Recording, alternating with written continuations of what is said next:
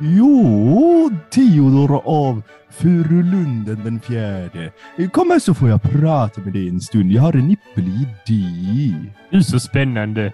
Alexander av Löddeköpinge den åttonde. Berätta för mig, vad har du på, i ditt arbetande i din hjärna? Jo, minns min kära vän vad han lärde sig i skolan om de antika grekerna? Ja. Mycket väl, mycket väl, mycket väl. Det var ypperliga föreläsningar vi hade i skolan om det.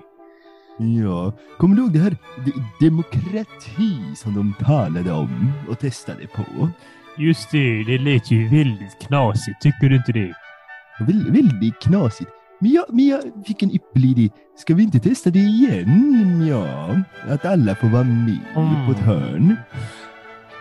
Hur menas, ska, menar du att alla ska bestämma? Ja, Tillsammans. ja, alla får en lika stor eh, påverkan och så den som får flest röster, eh, det blir så, ja. Ja. Ja, ska alla få rösta då eller? Ja, alla ska få vara med, är det det betyder ju. Ja. Mm, folk och makt. Ja, även, eh, är, all, även eh, invalida inräknade i detta? I alla. i- Inte så mycket än, nej, nej, in, in, nej, in, Ja. inte de, men alla Nej. andra. Alla, hur, ser, hur ser demokratin på det här med barnen då? Nej, men barnen de är, de är inte så förnuftiga än. Man får vara eh, 35 när man får vara med först. Ja. Ja, så de får inte vara med. Nej. Hur Det ser vi, hur, hur, hur ser det ut för kvinnofolket? Eh, Nej. Nej. De är inte så rationella de. Nej, det Vem tycker är- inte. Ursäkta om jag frågar då, eh, min gode vän, men vem är de här alla vi pratar om? Jo men det ser du. Det, är är alla här i vår fina salong. Det, det är Rupert von Gyllenknöken och sen är det Albert av Mecklenburg den femte som sitter där och sen är det lille Tage som sitter där. Ja, alla ska vara med. Så länge de har rätt i kön, eh, status och pengar och utbildning och, och hudfärg. Mm. Alla ska vara med. Ja, de alla. Ja, de alla. Det, det tyckte jag var lätt som en bra grupp av alla, Ja. för jag ingick ju i den. Ja, så av alla de här miljonerna som bor i landet så är vi eh, 28 stycken som får vara med. Det, var, Alla 28 ska vara med. det, måste, det måste de tycka om, för det är ju mer än en som det är Ja. nu. Så då röstar vi för det. Alla som eh, är för, eh, det, det är du och jag, för det är bara vi här. Eh, då kör vi på det. Hej och hå! Jo, Hoppa den! alla. Alla ska vara med.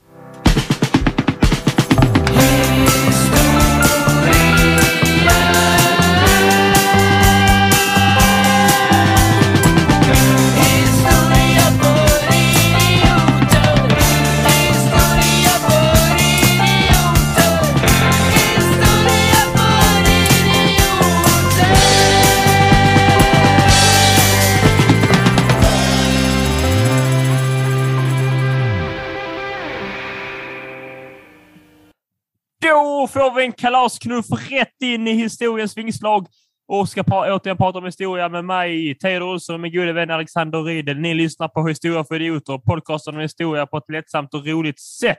Och idag, som ni hörde i introsketchen, så ska vi prata om det konstiga, märkliga och underbara fenomenet demokrati. Men innan vi gör det så ska även här i podden alla ska få sin röst hörd och det får vi genom att jag frågar Alexander, hur mår du idag? Jag mår helt okej idag. Är, Tack, men tack, helt, tack, helt, tack. o- helt okej för mig är ändå typ fem plus faktiskt. Det är max. Det blir inte bättre än så här. Ja, men det, du, det är väl din, dina skalor är alltid till max 5 plus. Eh, men eh, helt okej för andra är liksom så här, då är det inte jättebra, men helt okej för mig. Ja, är det är, ditt, det är ditt bästa. Ja. det är mitt bästa. Det blir inte bättre än så. Ja, då, är, då, måste sin då måste det ju ändå vara bra. Rent logiskt. Eh, ja, men helt okej. Om det, det, jaha. ja, ja. Helt OK. Ja, vad märker Hur, är det, hur är det med dig där borta, din semesterfirare? Du som har ätit glass och spelat fotboll och brännboll och allt vad du har gjort. Och fått betalt samtidigt. Det är så Och du betalt. sett på mitt äh, yrke. Jag är ingen semesterfirare. Jag har inte semester överhuvudtaget. Jag har studerat och hoppat direkt in i arbetet. Men arbetet har involverat mycket fotbollsspel. Eh, det är så på fritids på sommaren. Det kan inte jag hjälpa. Och jag har alltså fått betalt genom att spela fotboll, så det är ingen skillnad på mig och Messi. Överhuvudtaget. Är, så det vill bara ha sagt. Men det, ja. Och sen ska jag börja skolan igen imorgon faktiskt. Gå och ta. Så att, eh, det är hårdare bud i Mellerud. Varför? Ja, Ja, nu ska vi inte snacka skit om Mellerud för att de har det lite tufft där borta. de kan ju dra åt helvete som de är gnälliga. Ja, så länge de inte råkar lyssna på den här podden. För att ni, ni är bra. De andra, bu. Ja, ja, men det säger sig själv. Om man bor i Mellerud och lyssnar på den här podden, då har man ju ändå lyft sig högre än sina grannar, så att säga. Ja. Det, ska de, det kan de gå och ta. Ja, om de inte, om dina grannar inte lyssnar på podden så kan du säga åt dem att gå in och följa oss på Spotify och Acast och alla andra poddappar. Tryck på följknappen och ge oss gärna en liten stjärna. Du vet Eh, att, eh, du vet att Acast-appen inte finns längre va? Ja, det är sant. Så att, Eh, eh, du- gå inte in och följ oss där för att Nej. det går inte. Hitta en annan app och följ oss där. Och så skicka gärna till en kompis att lyssna på detta här. Och det kanske du tycker om. Om de är intresserade av historia och dumheter. Ja, eller skicka till en fiende. Som inte gillar det. Oj. Ja. Och varje, gör det varje dag i sju veckor. Så kommer, kommer ni fortsätta vara fiender. Ja, det är väl Mm. målet, eller? Men de kanske tänkte att det var en sån här försoningsgåva. Ja, men nej, då, nej. då trodde de fel. Vi kommer, vi kommer med illdåd och ondska. Skriv till oss om du har en fiende på eh, Instagram, att historia för idioter. Eh, vem din fiende är och varför det är din fiende, så ska vi försöka smyga in små pikar till den nästa avsnitt. Ja, Jävlar, så skickar du det så kanske den får höra att den är en liten dum bum bum bum bum. Får vi, så blir den veckans rövhål, så att säga. ja. Men nog om eh, samtiden, höll jag. Men nog om oss. Ja, det är ingen som Nej, det, kommer hit för det, det hoppas har jag. inte hänt något intressant med oss sen sist vi pratade, så att, eh, vi kan lika bra hoppa direkt in på det ni är här för. Det, vore- det vore kul om där är någon som bara gillar de första fem minuterna här. Som de vill bara ha en, en sketch, höra Det hur vi är- mår och höra på introsången. Det är väl din mamma ändå. Det är din Nej. mamma för att det är enda, enda chansen hon har att prata med dig. Nej, hon, eh, min mamma är en trogen lyssnare. Hon kör Ja, igenom hela avsnitten. Alltså, vilken En stjärna hon riktig är. stjärna. Det får jag- Shoutout. Farsan däremot, min farsa alltså, han har inte lyssnat en enda gång. För han säger, "Nej, jag kan klart av att lyssna på det. Det är så märkligt. Ni pratar inte så egentligen. Ni är lite, det känns så konstigt, säger han. Det, är, ni, det låter ju knappt som er. Jag bara, nej, okej. Nej. Men han Men- får ta sig kragen helt enkelt. Ja, menar han att vi inte alltid eh, artikulerar och gör sketcher och väntar på varandras tur att prata? Är det det han menar? Jag tror Att vi det. inte gör verkligheten? Han, eh, jag tror det. Jag, ja, kanske. Ja. Ja, ja. Han har ju varit med i podden till och med, i något tidigt avsnitt, i ett telefonsamtal. Ja, just det. Eh, Mm. Väldigt experimentiva, eh, så här, experimentfyllda dagar. Ja, mycket trevligt, mycket trevligt. Eh, eh, Det kan man gå tillbaka och lyssna på om man har självhat. Ja. Ja, nu får vi Eh. faktiskt göra så här att vi får hoppa in i det här nu. Men jag hade ju en annan viktig fråga. Åh, en till. du, har du också hamnat i, så här, även om du nu är sån himla gnällig pojke, Ja, fan vad jag är om att- gnällig. ja, fruktansvärt, Det är ett eh, om att jag har jobbat och spelat fotboll, det är så svårt att vara med. Och nu ska jag börja plugga igen imorgon. Wah, wah, wah. Eh, har du också hamnat i den här semestersåsigheten i alla fall, även fast du inte har semester, fast du typ haft semester? Ja, det blev ju lite så här. Jag har ju inte haft semester överhuvudtaget. Eh, jag har spelat fotboll till klass på jobb, men det är inte allt gjort. Jag har också arbetat och gjort annat. Ja. Eh, och, och gjort det sen i sju veckor sedan när jag slutade skolan. Men sen när nu i, igår när jag kom hem, eller förrgår blev det, sista dagen jag visste så då har jag jobbat klart här. Då slog såsigheten mig som en jävla knutnäve rätt i näsborren och jag ja, nu är jag såsig så det räcker och blöver. Och med den såsigheten så ska jag simma mig in i eh, plugglivet igen. Och det är inte vilken sås som helst. Detta är någon grötig jävla brunsås som har stått och tjockt fettet och tjocknat till på toppen. Vet du. Så det kommer, bli, det kommer bli en tuff kamp. Ja. Ut ur såsigheten. Jag känner mig sådär riktigt uh, semestersås i huvudet. Du sitter ju och väntar på att livet ska, det- ditt riktiga liv ska komma igång ju. Japp. Heja, det. heja. Men fram tills dess ska jag bara vara så här. ja. Skönt, då är vi äntligen på samma nivå. Ja, så det är hela avsnittet idag att vi bara sitter Uh, hallå? Ja. Jo, jo. Okej. Men nog om det. Eh, På sommaren så är det ju också väldigt, väldigt eh, varmt. Och vet du var Va? det brukar vara väldigt varmt, Teo? Och dit många också gärna åker på sommaren. Malta. Ja, men de har ett annat värde än det vi letar efter idag. Eh, Mm. Jag tänker nämligen vis eh, Grekland. Åh, Och då tänker du, herregud, vilket land. varför ska vi, så här, ska vi snacka om de jävla mupparna igen? Ja, det ska vi. De har fina hus och sånt. Eh, Man kan hoppa på tak och där och sånt. Det har jag sett på YouTube. Det kan man tekniskt sett på alla tak. det är sant, men inte så fina hus. Äh, Okej då. Tomato, tomato. Eh, för att vi ska ju snacka lite om, eh, lite om demokrati. Mm. Och då passar det väl bra att hoppa tillbaks till antika Grekland Mm, Ja, och påbörja vår eh, lilla resa där. Eh, från det Antikos till det Nutidikos, precis. som Spännande. kidsen säger. Detta kommer att ta lång tid. Nej, för idag ska vi vara mer övergripande än vad vi brukar vara. Shit. Detta är alltså Crash Course eh, i Demokrati Edition. Japp. Satan ta man kommer undan här. Det, det, blir, det, det blir det verkligen. Så Skönt. att, eh, den här resan börjar ungefär 500 före Kristus. Mm. Som så många andra resor brukar göra faktiskt. Romarriket börjar då va? Ja, Ish. ja de Som har, se- som de har senat. redan börjat. Senaten börjar då. De har redan börjat. Vi kommer till det alldeles strax, din lilla fuskare. Mm. Går händelserna i förväg. Ja. Som en liten, liten snakey snake. Tss. Så hugger han på allting idag. Han är on fire. Theodor. Olsson is on fire. Jävlar vad detta spår snabbt. Semesterhjärna. Förlåt. Eh, Ja, detta måste ursäktas. Detta avsnittet är lite att detta är vårt semesteravsnitt. Detta avsnittet är så vi ska komma tillbaka i, i gunget, Eh, så att säga. Så att, eh, det här kan ni inte jämföra med alla andra avsnittet. Det är bara ett litet eh, avsnitt för att ni ska vakna, era, era historiska hjärnor ska vakna till och våra historiska hjärnor ska vakna till. Så är det som det Ja.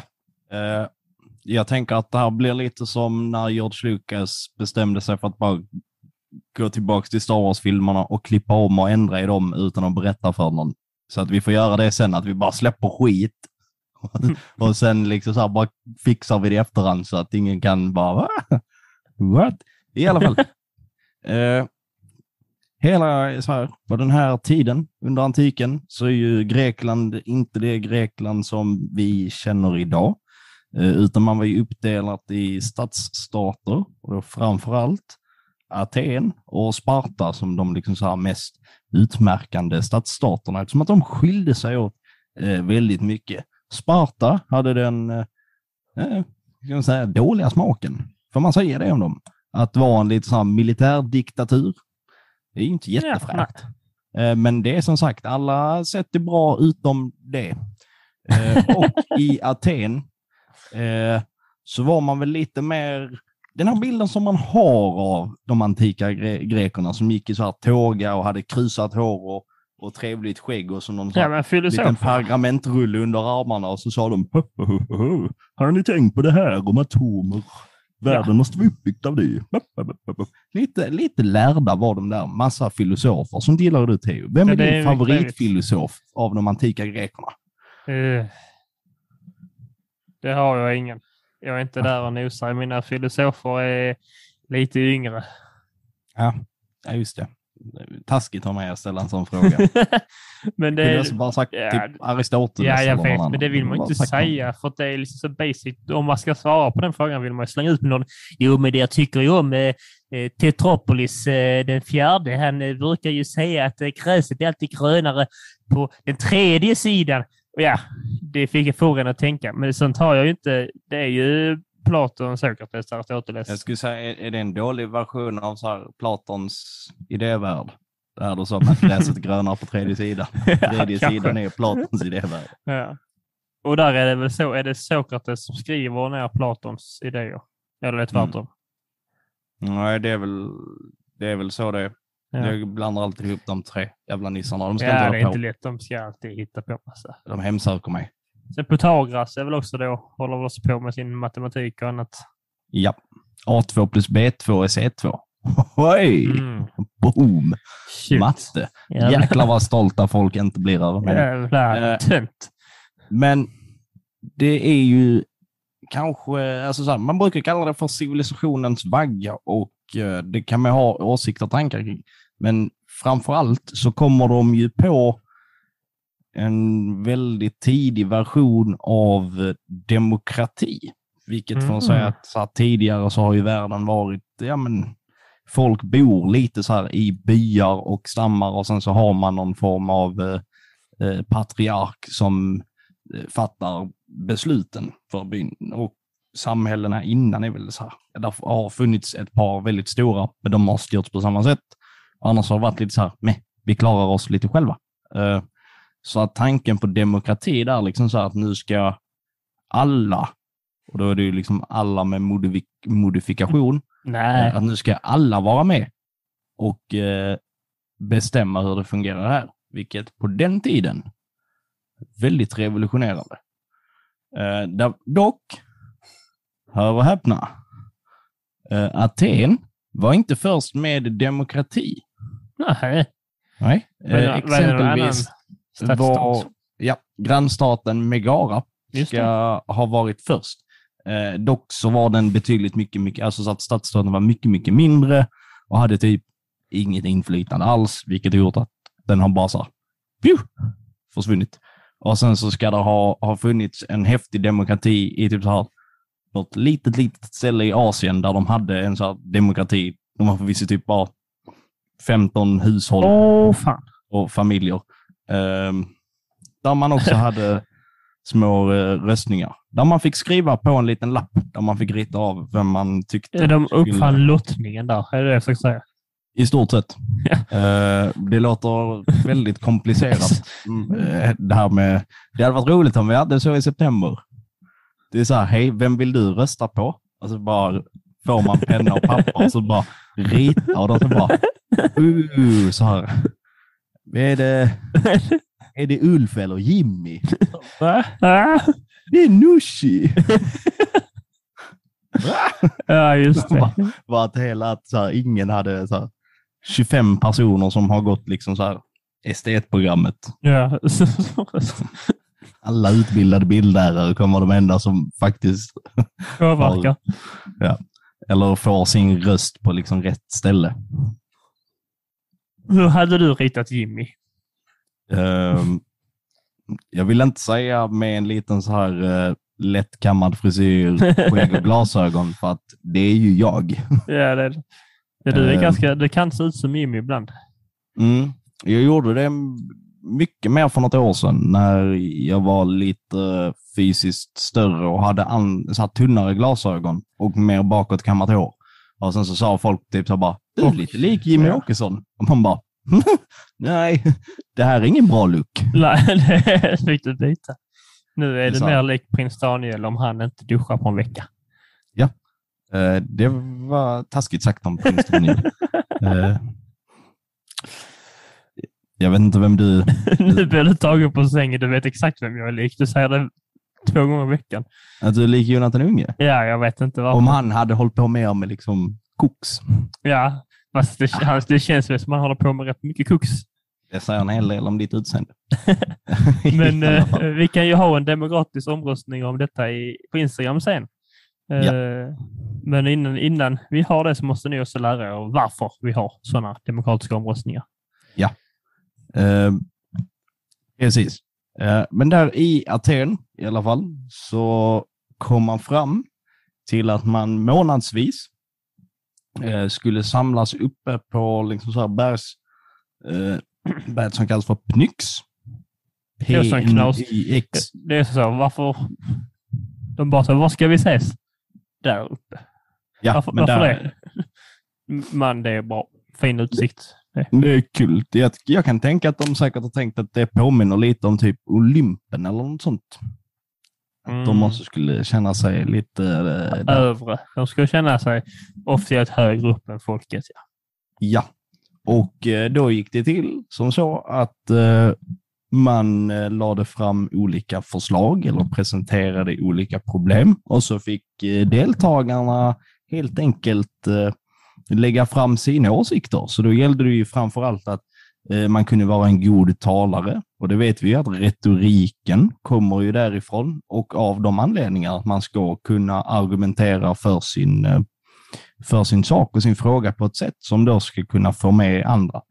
Ehm, så på det viset var det. Och då fick ju alla, eh, ni ser ju inte att jag gör sådana här situationstecken, men jag tänker att ni hörde på betoningen, att alla fria grekiska män, eller atenska män och eh, även folk som bodde på Attika, som låg i närheten, alltså grannstaden till Aten, eh, fick också vara, vara med. Och det var en liten, liten, liten procentenhet av eh, dem. Så att om man var en fri man, det vill säga att man är liksom född och uppvuxen i Grekland och inte var en slav och inte hade blivit utskickad från eh, så här, exil eller blivit straffad med exil och sen kommit tillbaks, eh, så fick man vara med. Och att man, jag tror man var tvungen att äga typ ett hus också. Mm, Det, det brukar ju vara så att man var tvungen att ha någon form av ägande. Om nu ägandet var eh, liksom en grej på den tiden tror jag inte ens riktigt. egentligen. Jo, Va? Helt och hållet på det sätt vi ser det idag. Ja, folk hade sina eh, så här, ägodelar. Jo, det är klart man hade, men man såg man på ägandet på samma sätt Ja, rent filosofiskt. Det, jag vet inte, du vill inte ens svara på vem som var din favoritantika filosof, så kom inte här och... Det var snacka om- äg, ä, ägador husador. Eh, Han var väldigt uh, flitig med det här med ägandeskap och hus. Eh, Han, han sa köp ett hus och du är ful. Oj, Ja, så var det. Mäklorder är inte jättebra på det här. Eh, I, eh, under de här, eh, så här omröstningarna så bestämde man ju på plats. Eh, så att då, det är så him- det här är ju sinnessjukt att de, jag tror det, så här, det var 250 000 invånare eh, totalt och att typ 30, så här, någonstans mellan 20-30 000 av dem hade rösträtt. Eh, Ah. Och sen att man med det som heter direktdemokrati, Mm. att liksom så här att man röstar och då gör man det genom en handuppräckning. Som Schweiz? Eh, Ja, fast de använder inte handuppräckning. Nej, nej, men de Men de är en direktdemokrati. Ja. Eh, Men så himla jobbigt. Och Räkna. Ja, för att de, det måste ha varit att ett Ah. par stycken som har typ varsin sektion som går typ Pop, pop, pop, pop, pop, pop. Och då måste de också ha koll för att det har ju säkert så här, folk kanske inte kunde alltid och folk bara typ dör. Så det måste alltid ha funnits en viss bortfall av människor. Folk typ dör, ja. Någon blir trött i armen. Det tar skitlång tid att räkna. Ja, men man skulle... ah, Kan inte börja räkna från den västra flygeln idag? Nej, så de upp handen bara, nej jag orkar inte mer. Då får vi hänga den här människan. Ah. De som, de som sitter så här längst upp och så längst ut på fel sida som har suttit med handen upp i så här sju timmar. Jävlar, då vill man verkligen detta alltså. Och så sitter de, eh, går de och räknar så här. 15 437, 15 400. Nej, vi får börja om grabbar. alltså. Man fick säkert hela så dumma regler. För, får, man, eh, får man byta hand om man är trött? Nej, tar du ner handen så är rösten borta. Att de börjar med typ så här att håller man upp höger hand är det ja, är det vänster är det nej. Så att man blir så himla... Uh. Fan. Han bara, men vi är 30 000, hur fan kan vi ha 46 000 ja? Och 17 000 nej, det. Va? Va? Ja, vi fan, vad fan förändrar detta? Just Och så det. får de ha en likadan så jobbig omröstning om att byta sätt att rösta, räkna rösterna på. Shit, sitter med en så ond spiral. Ja, Ja. det blir inget. Nej, det förklarar nog varför eh, så här, Grekland så småningom eh, Föll. eh, gick under. Det var på grund av dålig handuppräkning. Men eh, var det inte så också att man eh, röstade, alltså man skiftade roll? Eller man skiftade liksom roll vem som bestämde om vad? Var, varje halvår typ. Ja, så att man kunde bli... Det, det förutsatte dock att man hade ett ganska så eh, stort eget så kapital så att du kunde typ lämna ditt dagliga arbete i typ sex månader Eh, utan att liksom så här kunna försörja dig på det. Eh, så att då kunde man bli liksom dummare, bland annat. Hålla på och räkna liksom så här med statsfinanser och liknande. Bibli- alltså liknande eh, bibliotekarier. alltså olika typer av offentliga tjänster eh, som man då blev inlottad till. Och då fick man göra lite så här, lite vad man ville. Eh, så att du kunde ju missköta dig i sex månader utan att någon egentligen hade så mycket att säga till om. Men sen efter de sex månaderna så kunde du också bli så här landsförvisad på grund av att du inte skött dig. Just det. Ehm, Så att om du till exempel skulle bli typ så här, nu hade de ju inte riktigt den, den typen av så här känslan, ska säga, bara "Ö, nu bestämmer du i hela Aten. Vad ska du göra? Alla ska ge mig sina pengar och sen ska vi ut i krig. Eh, Det, så det bara, är ändå nej. ett... eh, Det känns ju ändå som ett, en, alltså, alltså ett bra sätt att inte någon får för mycket makt, till exempel som domare. Liksom. Om man sitter samma domare i 17 år så är det liksom så, ja, då bestämmer han vem som åker i finkan eller inte.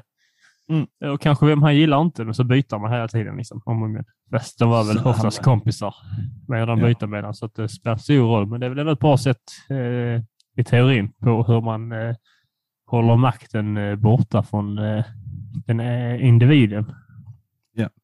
Ehm, och sen eh, de här eh, fria männen, så här, de fick också jobba lite för att få ta del av det här så demokratiska privilegiet. Så att de skulle bland annat liksom hjälpa till att ta hand om stadens hästar och liksom så här, ta hand om staden och liksom vattenbrunnar, se till så att allting fixar typ och är snyggt och, och prydligt. Som man- vaktmästare. Ja men typ, lite så här, nu är du städgubbe.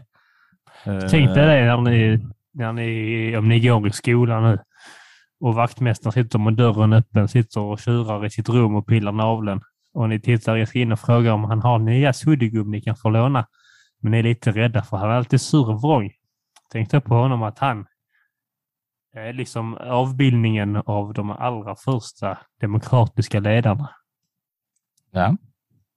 En, kanske inte så mycket ledare, men demokratiska medborgarna. I alla Okej. fall. Okej då. Vilken otrolig kameravinkel du ligger inne med just nu. Det, det är jättedumt att kommentera det när vi pratar om ljud, när vi arbetar ljud. Ja, jag, Det spelar väl ingen roll. Vad är detta? Du må vara såsig, men du behöver inte ställa så du gör sådana dumheter. Ja, jag, jag lutar mig ner så att jag kan prata i micken utan att hålla i den. Då är det bara mitt ena öga som syns i bild. Kan, du, kan vi skita i detta nu och gå vidare med demokratin? Eller? jag, jag vill ändå jag vill ändå bara för våra lyssnare skulle säga att det enda jag har sett de senaste typ tio minuterna är Teos panna som hoppar upp och ner i rutan när han Ja. pratar. Och så en lit, och så en ganska, eh, så som en sån enhörningshorn uppe på huvudet som bara står upp. Ja. Det är jättesvårt att koncentrera sig ja. utan att skratta. Du är, du, det du säger är att du är så ful så jag kan inte fokusera när, vi, när jag pratar med dig. Det är det du säger. Nej, snarare tvärtom. Då har vi, då har vi fastställt det. Eh, vet vad vi också ska fastställa? Nej. Eh, Det gick ju inte jättebra för grekerna. De gick ju, de försvann ju. De. och sen dess har de jobbat i uppförsbacke. Ja, det, det får man man, ändå- säga. Men de har, de har ju faktiskt en god eh, vitlökssås med gurka i. Det har de med sig. Ja. Så att, eh, som också gav namnet till en, eh, jag vet inte om man ska kalla det, eh, är det en eh, hyfsat eh, bra svensk film? Serie, filmserie? Ungdu- det är väl en Ungdoms- bokserie från början. Ja. det måste det ju vara. Bert heter den.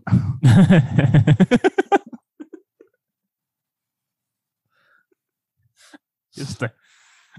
Eh, Men efter man har pratat om de antika grekerna, till, vad vill man prata om då? Ja, Bortsett det är väl sås. eh, romarriket då, eh, tänker jag mig. Precis. senaten där var väl kanske likt på ett sätt. Mm, ja, men lite likt. Republiken, som det faktiskt är. Det Mm. står ju också, det är väl det r i SPQ. Nej, det står ju för rum. Jag är. Eh, men, det, S är väl senat? men ja, Ja. precis. Eh, precis. Men styrelseskicket är ju Mm. liksom eh, en republik. Så att ungefär samtidigt som Aten blir en demokrati så bestämmer sig Rom för liksom så här, hmm, det här med monarki och kungar känns ganska B.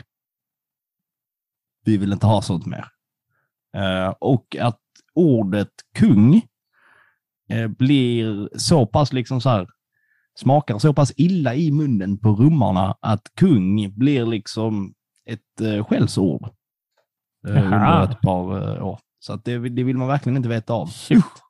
Usch vad Jag ska, jag ska börja använda det som den också. Så varje gång man säger till någon så här, fan vad du är kung. Så kommer de tro att det är bra, men egentligen så är jag jätteelak. Du är riktigt nasty du. Riktig king är du. Eh, Jävla king. Eh, den här demokratin ser ju lite annorlunda ut jämfört med grekernas. Eh, där finns också ett par likheter och likheterna är ju att det är de fria männen som hade rösträtt. Och det är också typ samma fria män som i Grekland. Inte exakt samma män, bara att det är samma kriterier vi pratar om. Det hade varit konstigt om de var så här superpass. Så bara, okej, du får rösta i Aten och i Rom. Men jag bor inte i Rom. Nej, Nej, du, det här är ett riktigt privilegium. men någon dag kanske du vill. Ja, just det. Var så att romarna typ bara, får inte vi rösta? Nej. Ja, ja. Men hur gick det till här i senaten då? Eh, De fria männen fick eh, rösta eh, på den som de vill ska bli konsuler. Och det är då det högsta liksom, ämbetet i eh, senaten. Eh, Så att de två stycken konsulerna, eh, för det är två, eh, de har liksom den slutgiltiga makten. Och sen så finns det också en senat som man också inte riktigt röstar till, utan det är liksom så här 300 patricier. Och det har du koll på vad det är, Theo? Ja, det är adel. Ja, Kan man kalla ja det väl. typ. Det, ja, Ja, alltså för om man ska göra det övergripande kortfattat så är det i princip, men det är ju eh, Rika patris, jävlar. rika män. Patricier på, hör ju på namnet också att det är eh, män. Patriarkat, patris, ja, det är Ja. Jag tänker mer på att det låter så himla likt Patricia. Och då är Ja. det så, 300 patricier. ursäkta, ursäkta, blir det något rödvin till mötet? så alla bara, jag röstar ja. Vad tycker du Patricia? Vem av oss? Vi är 300. ja, just det. Eh, Det är det inte, alltså, utan det är eh, ja, 300 rika män då. Ja. Och de här kommer från liksom Roms eh, rikaste eh, familjer. Man, det är väl lite så här, typ nästan maffia liknande skulle man kunna säga. Så att Mm. där föds, eller ja, det, så har det varit på många ställen i historien och även bitvis idag på sina ställen. Eh, men att där föds man ju verkligen in i typ så här, så nu är du det här och det är du tills du dör. Liksom. Mm. Och eh, det var så här, ja, vissa hade tur och föddes in i väldigt rika och välbärgade familjer med makt. Eh, Ja, klassresa var inte, var inte jättevanligt på den tiden om man säger så. och eh, som sagt, det, det, alltså att bli konsul, eh, det är bara någonting som liksom patricier eh, kan bli. bli. Visst var det så att det var två konsuler eh, för att eh, ja, men det, inte, det inte skulle kunna bli en eh, diktatur, så att säga. Det inte bara skulle vara en som bestämde allt. Och även för att om en av dem, en av dem skulle kunna åka ut i krig Ja. så Eh, var den där- andra kvar. Och eh, det kunde ju bli lite så här, eh, diktatur. Eh, om, eh, om det blev liksom så här krig och att det behövdes att ha typ en ledare. Till så att nu har vi inte tid. Just det, liksom och välja ha oss. Men det var bara ett halvår väl? Ja, precis. Men det är väl den grejen som Caesar busar med. Det är väl så han faktiskt blir liksom kejsare. Ja, för att han Eh. så, nej, ett halvår är lite kort tid. Jag, lämnar, jag lovar, jag lämnar tillbaks makten och är klar. Men ja, det är väl Pompejus då som, skulle, som tog väl över när han var iväg kanske. Så dödade han Pompejus bara. Nej, det var ingen kvar som kunde bestämma. Ja, att han har sån, lite, vet, lite sån handdocka med Pompejus, och han är här. Hallå! Eller? Vinka Pompejus. Så men hallå, eh, eh, Caesar, Caesar, eh, har du pratat om detta med Pompejus? Eh, ja, det har jag. Vi har inte sett honom på flera dagar och månader och veckor. Var är han? Och så bara, hallå, tar du sin docka. Nej, men, oj, kom du där? Så, ah, Nej men hej Pompejus! Hej, tycker du mina idéer är jättebra? Ja, lyssnar alltid på dem, de är bäst. Nu ska jag ta livet av mig. Eh, Han fick ju Pompejus huvud på en pinne, säger de ju, i Alexandria. Så han har den pinnen bakom ett skynke. och, så, och så sitter han och så... du vet som man har när man plockar skräp med sån, eh, Ja, så han ja. trycker på det så att munnen kan öppna sig. Riktigt nasty han är. Fy fan. Eh, i alla fall, eh, makten var liksom så lite uppdelad i tre olika delar. Så det är då folkförsamlingen eh, och eh, det var de här fria männen som fick eh, rösta och ibland fick de också rösta liksom så på beslut och då fick de säga ja eller nej. Inget jävla kanske här inte.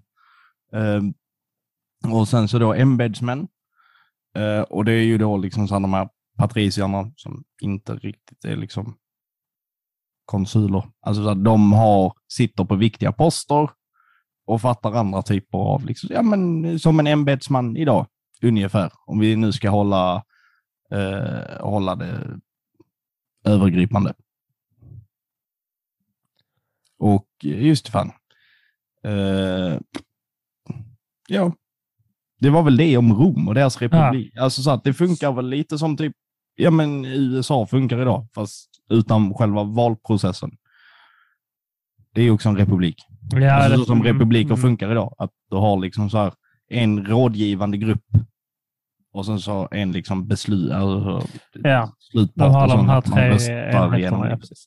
Så det, i demokratins eh, väg har vi nu gått från ett eh, lite knarkligt Aten till ett inte lika ostadigt, men ändå inte helt perfekt. Inte riktigt helt perfekt. Och sen kommer, sen kommer ju nästa goa historiska twist. För vet du vad som kommer hända med konceptet demokrati nu, Theo? Ja, det kommer väl begravas i ett par tusen, 1200 år. Man, Fem, man- nej, mer än det till och med. man kommer ta konceptet, lägga i en sten, inte under, i en sten. Och den stenen kommer någon låsa in i ett kassaskåp Ja. i en kommunal byggnad som är 245 mil ifrån närmsta civilisation, inne på en toalett utan dörr. Där kommer man att stoppa ner konceptet demokrati. Varför har den ingen dörr? För att är man ska komma in, ingen ska hitta demokratin. Ja, Jag tänkte mer på att det var en toalett bara... Ja, men det är, en övergiven, det är en övergiven kommunal byggnad. 245 Jo, mil från tänkte, är det, är det sådana mind games? Tänkte man, om vi inte har någon dörr på toaletten kommer ingen vilja gå in där och kissa. Exakt. Och då hittar ingen kassaskåpet med stenen där demokrati ligger. Shit. Shit. Så, så undangömd. Tänk på det så ingen går på toaletten. Att, uh, här kanske gömmer sig ett kassaskåp med en liten... Uh, Ett statsskick. ett statsskick. What? Eller styrelseskick. Ja. Eh, för att sen kommer ju den läskiga medeltiden. Mm. Trevligt. Eh, ungefär mellan till så här 850, 1500, ishi fishy. Det skiljer sig lite vad här och var. är. Ja. Eh, vad gör man då Theo? Hur, ser samhället ut då? Eh, då är man eh, antingen så är, eller mest troligt så är man en form av bonde som, som lever på det man har, som kanske man har lånad mark av någon som bestämmer det som bestämmer är oftast kung. Och vi har kungen. Kungen gifter, gifter bort sina barn med deras kusiner för att få mer makt. Och eh, sen går man och slåss. Japp. Det är väl typ det man gör. Man är egentligen en fattig bondedräng. som inte mår bra. Eller så är man en kung som förmodligen mentalt eh, inte mår bra heller. Ja, de mådde nog ändå ganska bra mentalt. Ja, det tror jag nog de gjorde. Men de var väl oftast sjuka i huvudet. ja, ja. Men det drabbar ju typ bara alla andra. Det är sant. Det, det måste ändå vara, undrar, undrar hur känslan ändå måste vara att vara typ den enda i så här, det är ett helt land som bara mår skit och ingen har någonting och så är du den enda som typ har allt. Ja, men fan vad sjukt. Alltså, men tänk också vad vi vet om att man bestämmer allt i ett stort område. Alltså verkligen allt. Det, det måste gå inte i huvudet illa kvickt. Ja. Alltså det måste man, om man vaknar, man har varit liksom prins i, tills man blev åtta, för sen dog eh, ens farsa. Han, är- han är åt, sig på semlor eller något som kungar ibland gör. Ja. Eh, och så eh, bara vaknar dagen efter så kommer en, eh, en gubbe bara så. Hallå lille, lille Leopold. Nu är det du som är kung. Du bestämmer allt. Måste man ju bara säga. Vad i helvete. Första morgonen testar man bara. Jag vill eh, ha en hel eh, hjort i, eh, i mitt badkar. I guld. Och så bara funkar det. Och så måste man bara så. Va? Det är inte konstigt man blir galen. Ja, det... Nej. Jag hörde det här först. Det är mest synd om kungarna. Ja, just det. En riktigt unik take. Eh, nej, men sam alltså, samhället uh, förändras ju.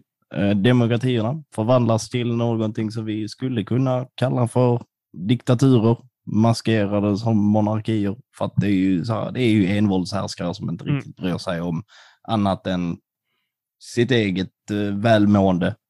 Eh, oftast. Där finns ju såklart folk som, eh, alltså, där har ju varit bra regenter också, eh, som har väl försökt att ändra på saker och ting. och sen går det liksom så att eh, folk glömmer bort var den här kommunala byggnaden är. Ja, vad fan eh, är liksom det? så här, var, eh, och då försvinner ju liksom Är den i idén och Mellerud? konceptet. Ja. eh, konceptet eh, demokrati ganska så snabbt. Och jag tror nog att för människan så tar det nog inte jätte... Alltså så här, människan är ju anpassningsbar.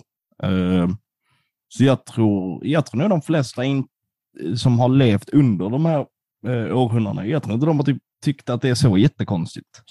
Det är klart de inte har. Man lever väl i den värld man är. Liksom. Man är barn av sin tid, som man säger. Man kan inte gå runt och tänka det här andra saker som jag inte vet vad det är hade varit bättre. Alltså det finns ju inte. Man, man vet det man vet. Också hot take från oss idag. Yes, väldigt mycket som, somriga hot Om vi någon gång ska få typ, så, göra en jättestor sån reklamkampanj och sånt så ska det liksom stå historia för idioter. Man vet vad man vet. Så som citat liksom. Ja, det är... Och det man inte vet lär man sig här. Ah, Ja, det man redan visste får man höra igen. ja. Eh, ja, nej men de här eh, familjerna, eh, oftast liksom här för att eh, tro, alltså så här, kungatronen går ju oftast i arv. Eh, men de är inte de enda som har politisk makt. Vilka är det mer som har lite politisk makt under medeltiden, Teo? Oh, det är dina favoriter. Men- Kyrkan. Ja. Vill du, vill du, vill du prata Ska- lite om ky- kyrkans Ska jag makt? eh, basha modell? på kyrkan idag? Så du Ja, men det är din tur. Jag har gjort det tillräckligt. Eh, det blev ju eh, väldigt eh, så här att eh, kyrkan eh, bestämmer ju. Det kristendomen spred sig över eh, hela Europa eh, och mest för mestadels. Och, eh, och då blev det så här att eh, skötte man inte sig enligt Guds tro och Bibeln och det var ju de som bestämde så här, liksom, "Ja, men det här säger Bibeln för att det gynnar mig mest så att det säger så här. Och så, ja, blev kungarna även, vad heter det, kristna, förkristade. Och påven framför allt var väl den med mest makt. Och än idag, det tänker man inte på, men påven än idag har ju sånt jävla inflytande. Han är väl typ fortfarande världens mäktigaste man med tanke på hur många katter, alltså Det är galet. som, alltså när han säger typ, nu gör vi så här. Jag tror att han på typ ett par veckor skulle han ju fan kunna starta ett liksom så här ny, eh, nytt korståg. Och typ bara, vi ska göra detta nu. Eh, Ja, ja, Om ni, ja. ni som inte vill vara med, eh, ni kommer inte träffa Jesus när ni dör. ja men, Så tror jag nog fan att det hade varit jävla många som hade ställt upp alltså. nu ska Vatikanstaten ta över hela Italien. Ja. Okej. Och de kör Hannibal-taktiken. De kommer med elefanter från norr. Ah! De jäklarna, det är Ja. de inte rädda på. Nej, men eh, så där är inte, där är inte jättemycket demokrati att prata om. Nej. Eh, eller eh, folks Nej, det är rättigheter och sånt. Eh, men sen, sen händer någonting till ju. Ja. Mellan 1400 och 1500-talet, så innan medeltiden slutar så har något nytt påbörjats. Det är väldigt märkliga årtal här. What? Va? eh, nu? Martin, eh, Martin Luther har, Mm. han har blivit lite kissnödig. Jaså? Så att han, har, han har gått till, han har letat efter en toalett eh, och hittar en. Dock inte demokratitoaletten utan en Mm. annan kommunal byggnad eh, i Flen. Ja. Den är där- fin den byggnaden. Och där hittar han eh, ja, men en liten historiebok och så en eh, så här originalkopia på, eller så här, originalkopia, originalbibeln. Och är liksom så här, Va? Vänta lite nu här.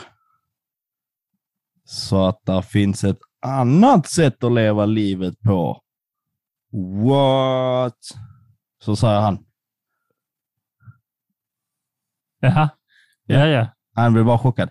Eh, nej, men eh, Martin Luther som var en eh, så här, teolog i Wittenberg i Tyskland eh, märker väl och känner liksom så att kyrkan gör inte riktigt det som den ska.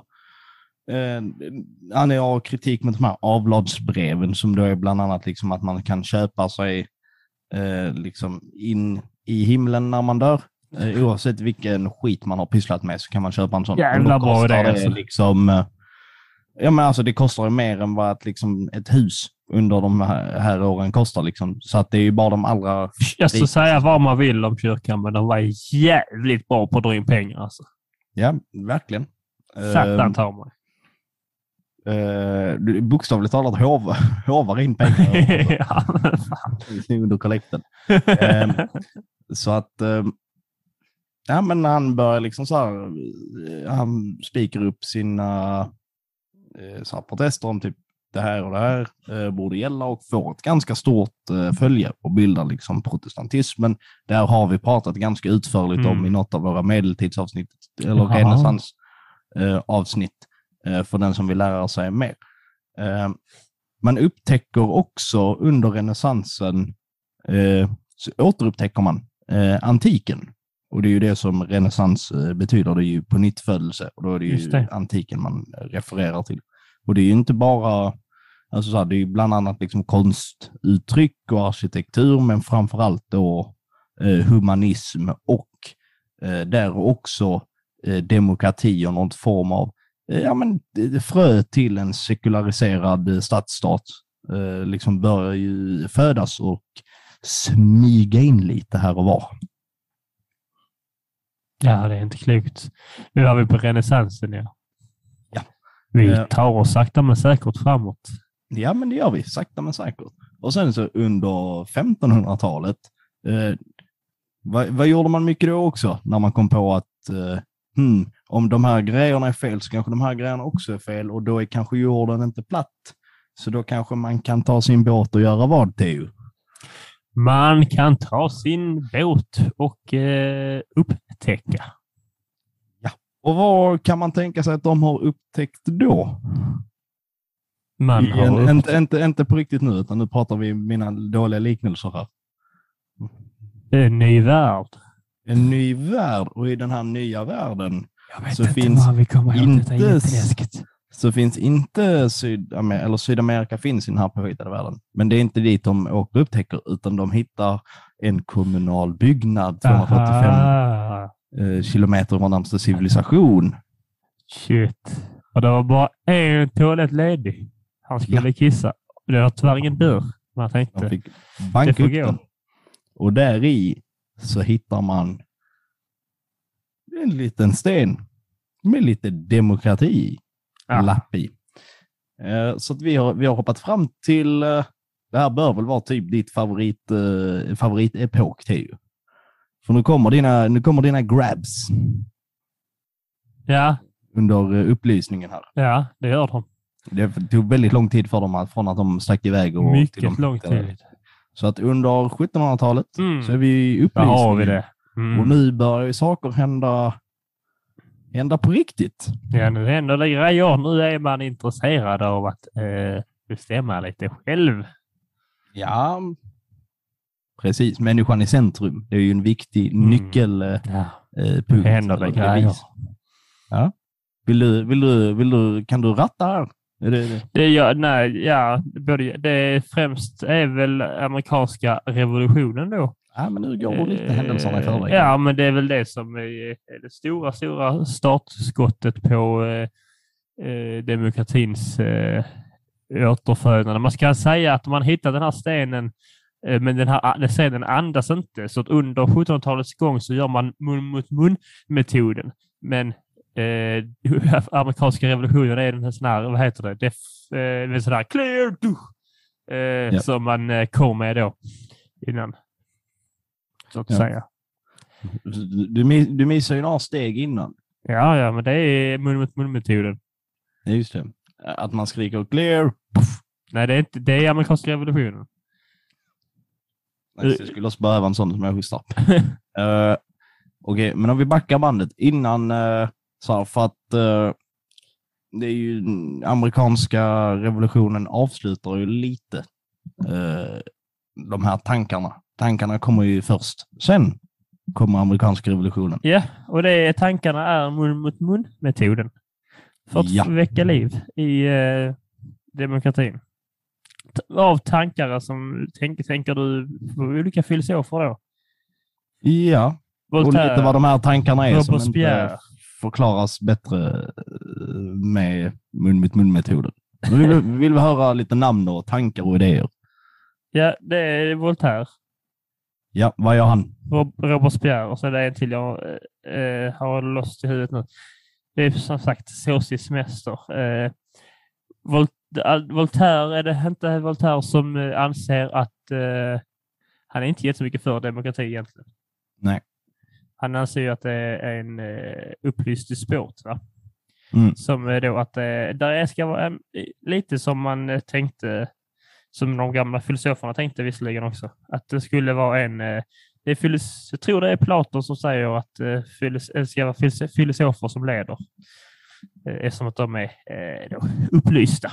Och så tänkte Voltaire också. Ja.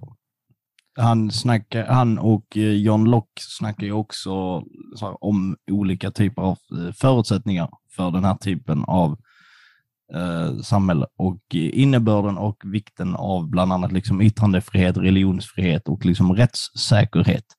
Eh, lite så här, jag sa ju Robespierre, sa jag va? Ja. Det är helt fel.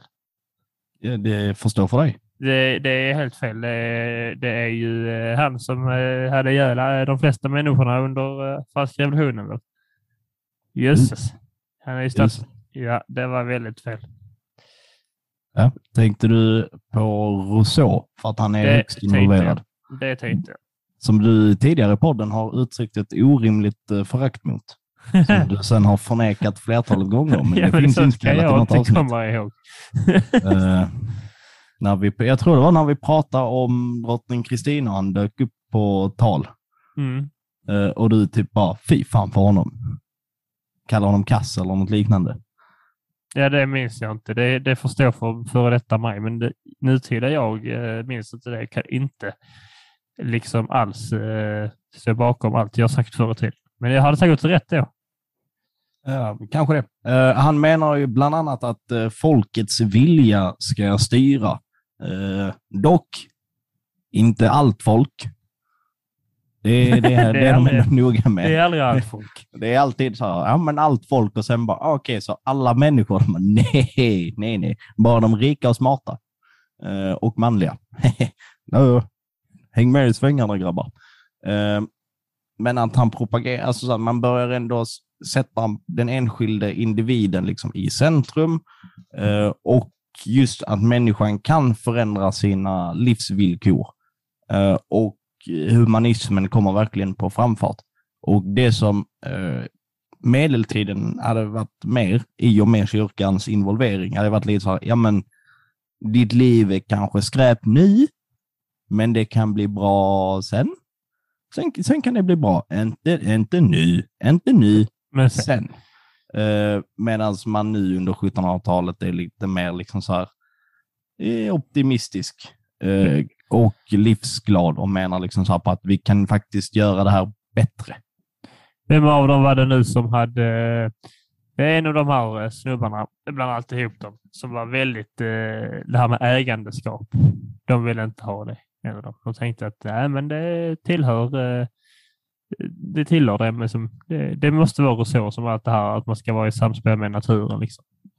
Är inte det, är inte, ja, det är du som är filosofiexperten här. Ja. Eh, men det är det inte John Locke som pratar om det, om naturen? Nej, det är Rousseau som eh, pratar om att, eh, att man skulle, vad heter det,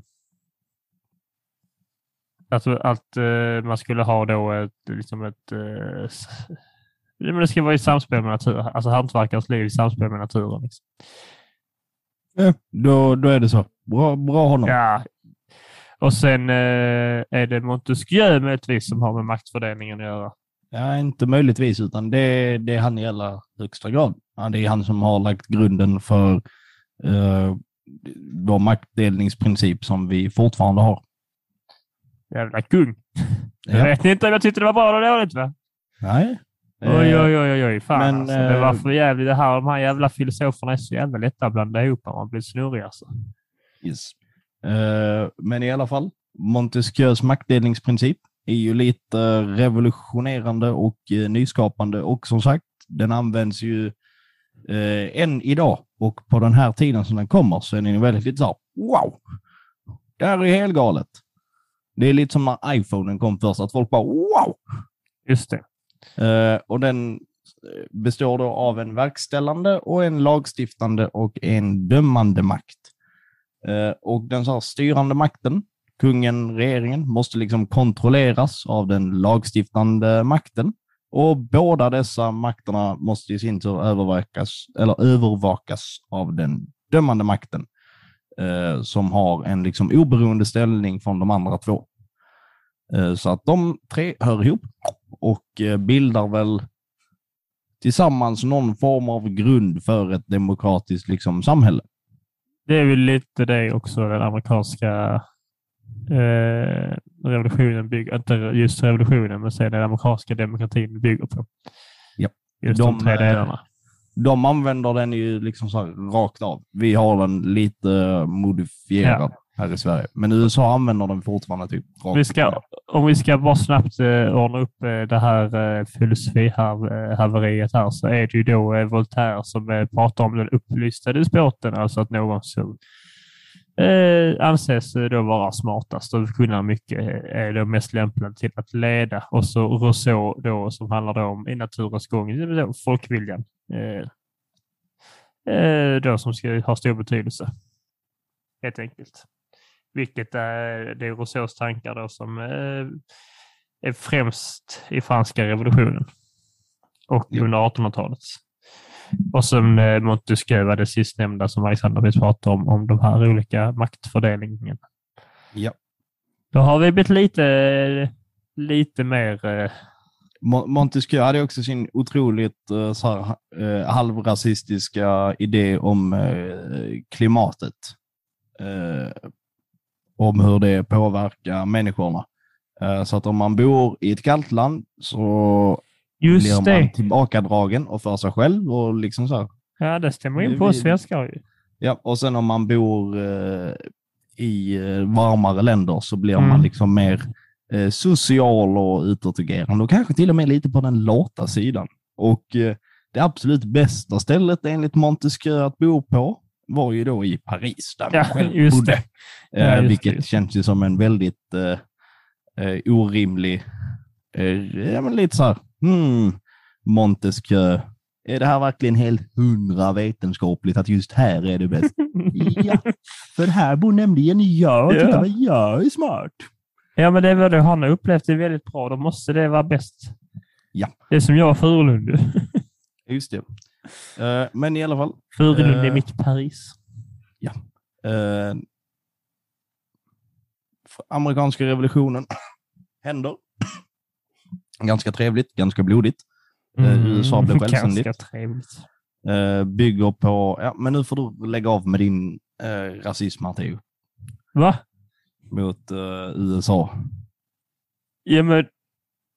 Det, det, vad var det? Väl så att det var trevligt? Ja, det är väl trevligt Ja, men det att beror de på, det beror på hur man säger det. Jo, jo, men ganska trevligt, ganska blodigt. Det, ja, okej, förlåt. Ja, och så är det bara, mm, ganska trevligt, mm, jävla amerikanare. Nej, det var väl bra. Eh, ja, eh, 1776 så skrivs den här självständighetsförklaringen på och eh, den bygger ju på dessa idéer som man kommer på under upplysningen om vad gäller liksom så människans Och då har vi ju, egen och rätt och även där har vi ju Och, eh, kvar eh, den gamla grekiska fina, eh, men alla ska få bestämma. Vilka då? Alla vi här i rummet. Japp. Så det var ju Mm. män eh, som bestämde det också. yes. Som fick Och- rösträtt. Ja. Eh, och framförallt vita män. Ja. de, de andra inte not so much.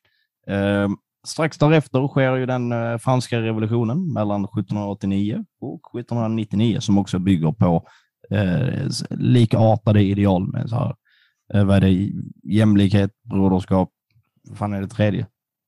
Eh, frihet. Just det, frihet. Eh, ja, precis. Så Eh, det- det ju liksom- liberté, frattige... Eh, frat, nej, något sånt. Broderskap är det ena, inte... Eh, Fing Fang Foom, eh, eh, som det lyder. eh, Det är väl franska. lite rasistiskt, tycker Nej, jag. nej. Det har du fel. Är det, så, är det så man slutar vara rasist? Man bara, nej, det var det inte. nej, det var det inte. Det, glöm det. Japp. Ehm, ja, och vi, vi har ju pratat om franska revolutionen, eh, men folket blir lite så här lacka på monarkin för att folket, ja, nej, vi svälter, där är inte så här, vi vill leva i demokratiskt Ja, det var väl Ludvig den 16 och hans bollhav. Eh, precis. Vi har, det här har vi som sagt pratat om i ett långt avsnitt. Eh, om man vill höra mer så är det, får ni gärna gå tillbaka och lyssna på det. Eh, för att vi rör oss framåt i ganska långsam fart. Eh, men vi går ju som tåget. Wink. Oj! Och var, var har man hamnat då någonstans? Industriella revolutionen. Ja, och vad innebär Jag höll på att säga, Jag vet inte, jag var jättenära att hitta något. Så jag bara, man kan ha hamnat i Flen, i kommunhuset igen. Eh, nej, dit går inga tåg. 1800-tal. Precis. Indus- Industriella revolutionen. Så för att nu händer saker och jäklar vad det händer och i en rasande takt.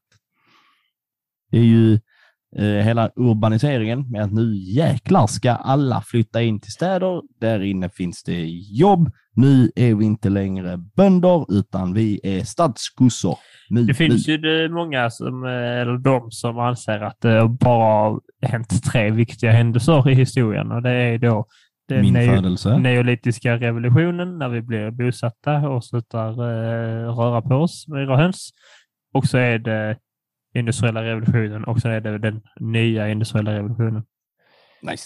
Allt annat meningslöst. Så vi hade kunnat göra tre avsnitt bara och sen säga att vi har täckt allt viktigt. Ja, eh, precis. Eh, men det som händer det är att folk får bland annat lite högre utbildning. Det blir så här allmän eh, skolgång lite här och var. Eh, I Sverige införs den 1842. Kan vara du 48 det? så, men jag tror det är 1842. Säger Eh, men så att folk blir lite så här mer, eh, ja men lite mer klipska börjar ställa krav på tillvaron. Vi har hela nationalismen också, eh, där det Mm. någonstans blir det så här bara, jo, jo, så att jag ska älska England, så här, men älskar England mig? Alltså, eh, fråga inte vad du kan, vad ditt land kan göra för dig, utan fråga vad du kan göra för ditt land. Men eh, så att eh, saker börjar bubbla liksom både på samhällsplan och lite så här eh, individuellt. Och saker förändras. Man kan ju verkligen tänka att så som det är för oss idag, att, vår, alltså så att ens mor och farföräldrar har levt i en helt annan tid. Ja. Under 1800-talet måste det verkligen vara så att ens föräldrar har levt i typ en helt annan tid för att saker går så himla långt, eh, långt ja. Eh, Det är inte klokt. Nej, det är verkligen inte klokt. Det är, det är helt bisarrt när man tänker på det. Alltså, för man tänker ändå att så här, av 1799 känns jättelångt bort. Ja. Men sen så när man är så här, tänker till så att 1800-talet är ändå inte så jättelångt bort. Nej, det är 200 år. Det är Och så inte- man tänker hur samhället, så här, för tänk det samhället som ändå, alltså franska revolutionen slutar ju 1799. Mm. Och så då tänker man att folk går runt i sådana här, du vet, peruker är lite så här mopsiga. Ja. Lite så här, whoopsie whoopsie. Men så- jag vet inte, jag vet inte vad det är. vad är whoopsie whoopsie? Men i 1800-talet så har man på sig någon eh, arbetskeps som man är olja om fingrarna här om man går hem och, och, och läser en tidning. Ja, men det finns liksom fotografier från tiden. Alltså, Ja, det är sant. Det är eh, sjukt. och det är inte så, liksom så här, det är väldigt nära 1900-talet. Ja, och, det, eh, och det känns ju väldigt nära som att vi råkar vara födda då. Precis. Eh, men i alla fall, i Sverige så får riksdagen mer makt redan 1809, då kungamakten liksom så här, sakta men säkert så här, fasas ut. Typ så här, tjuff, tjuff, chassi, chassi, stig iväg, kom inte tillbaks. Eh, han tillbaka, kan jag få vara kvar i alla fall? Och man sa, ah, lite då.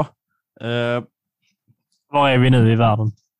I Sverige, Ja, bra. du bor. Ja, ja, jag ville bara säga, vi har ju rört oss lite här omkring och du, vi har inte landat. Du har inte nämnt att vi är i, i Sverige. Så att, eh, Jo, vi, vi kan uh, så här, rewinda detta. Du, du kommer lyssna på detta sen när du klipper. Ja. Kan, kan du lyssna? Eh, Ni eh, glada lyssnare kan ju också spola tillbaka och höra när jag har eh, eh, rätt. Eh, för att jag är fan hundra på att jag sa att i Sverige får riksdagen mer makt 1809 och att kungamakten... Tjup, tjup, tjup. I alla fall, eh, man har ju fortfarande en ståndriksdag eh, som jag så pratade om tidigare, vilket är att de olika stånden är liksom de som bestämmer och då är liksom adeln och liksom bor, Borgare och präster är liksom så här, de har väldigt mycket och sen så är det typ två bönder som är typ så här medbjudna för är inkvoterade. jag behöver Mm. ny kratta. Kan vi klassförakt. rösta om det? Vet på dem också. Eh, Men folket eh, börjar liksom så här motsätta sig liksom ståndriksdagen och de här eh, oftast konservativa liksom gubbarna. Det är ju lite precis som patricierna som satt i Mm. senaten i Rom. Det är liksom så här rika familjer där liksom så här ägandeskapet går i arv. Eh, och liksom man vill behålla makten för sig själv, vilket man ändå får anse väl i den positionen var helt rimligt. Typ så här, kolla vad bra jag har det och så bra mina barn kan ha det. Jag ska göra allt för att vi behåller det så här. Exakt. Eh. Så man kanske inte ska vara inte för hård mot dem. Eh, kungen väljer dock liksom fort, här, han fortsätter att välja vilka som ska liksom sitta i riksdagen. Eh, vilket gör att så här, ja, det är väl lite eh, en falsk demokrati. Är det Gustav III eller Gustav IV? Det är väl liksom, Gustav IV är den sista innan Bernadotte. ja, då får det vara han. Eh, jag är så jävla dålig på kunga- kungaheten. Eh, men 1865 eh, så införs tvåkammarriksdagen och liksom så här, fler får rösta. Yay! Ja! Eh, Däremot så krävs det att man har rätt ålder, kön och rätt eh, arbete. Och ju mer pengar man har, desto fler röster har man. Eftersom att det, om du tjänar mer pengar, mer, var det inte ju mer äga, ägande man hade? Ju större ägande man hade, ju mer röster. Alltså, det har ju med pengar att göra också, så indirekt är det ju korrekt. det har med var skatten väl- att göra för att du betalar mer skatt. Mm. Och då ansåg man liksom så att då, som du bidrar mer så får du också bestämma mer. Just det. Vilket eh, också någonstans när man säger det så. Ja, det låter så Det är väl ändå en hyfsat ja. rimlig slutsats, men det är ju inte jättedemokratiskt och snällt. Ehm, 1917 i Sverige, där händer det grejer. Mm. Mm. hörde. Vet, vet du vad som händer samtidigt i världen 1917? Det är lite blåsväder, lite kalabalik. Ja, det kallas ju... eh, Det är något sånt här eh, börjar på V, världskrig, va? Ja. Just det, det lilla. det lilla. Eh, Sverige är ju inte med själva, men eh, det påverkar ju oss eh, till den grad att eh, vi har lite problem med att få in mat i landet. Så att folket svälter och slåss med polisen. Oj. Ja, det är lite dumt. Och sen samtidigt så har eh, arbetarna och eh, Socialdemokraterna kommit på att vi kanske inte ska slavjobba i de här liksom, fabrikerna. Vi får kanske ha lite rimliga gränser. Eh, så att de samtidigt börjar kräva åtta timmars arbetsdag och att stormark ska liksom konfiskeras från de rika, liksom, så att man kan inte sitta och ha så mycket makt. Det är därför att gå tillbaka till liksom, landet. För det pratar vi om i Drottning Kristina-avsnittet, att hon bara delar ut mark till Just allt och alla. Och liksom så att man bara, ja, fast Men- lite av den här makten får fan komma tillbaka till... Det var mycket fackrör. LO var en stor grej här va? Ja, de eh, blir strax eh, närvarande. Eh, man kräver också att arbetarna ska äga fabrikerna, lite Karl Marx-inspirerat. Mm. Och Fint. man kräver också att Sverige ska bli en republik. What? Ja, Eh, spännande. Och i april 1917, fortfarande i Sverige, eh, så blir det väldigt liksom så här, stora kravaller i flera delar av det. landet.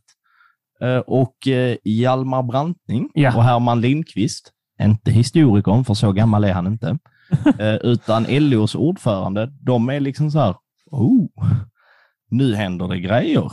Hette Eh, inte och- något Uppsala-upproret eller något sånt? Det är mycket möjligt.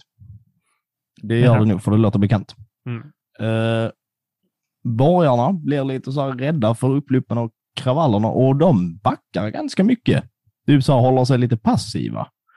Och eh, vill liksom så här, nej, vi gillar inte stök. Det är bara bök. Ja, ut ur mitt kök. Ja. Eh, så att eh, Socialdemokraterna, de tar liksom chansen och sätter framfötterna till och liksom så här pekar på hur det ser ut eh, ute i övriga Europa. Där bland annat Tyskland och Finland har liksom så här vält, vält omkull de tidigare statsskicken och omfamnat liksom demokratin.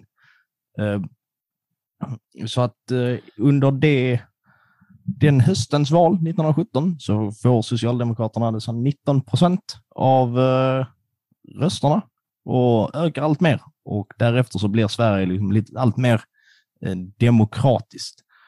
Eh, och 1900... Nej, det är också 1917, ska vi säga så att ni inte vänder på det. Att, eh, eller nej, 1919 är det ju. Ehm, så röstar Liberalerna och Socialdemokraterna ihop om eh, allmän röstlag. Men är det, inte, är det inte så också att det är eh, typ av, alltså 1917 också, som att man, de röstar fram eh, allmän rösträtt för män? Jo. Jo, alla precis. män får rösta 1917. Och innan dess Ja. var det ju bara vissa män. Ja, Och sen precis. Det var- det var 1900 därför- Ja, 1919 röstar man för allmän. kvinnor och resterande. eh, resterande. Ja. Alltså, ja eh, precis.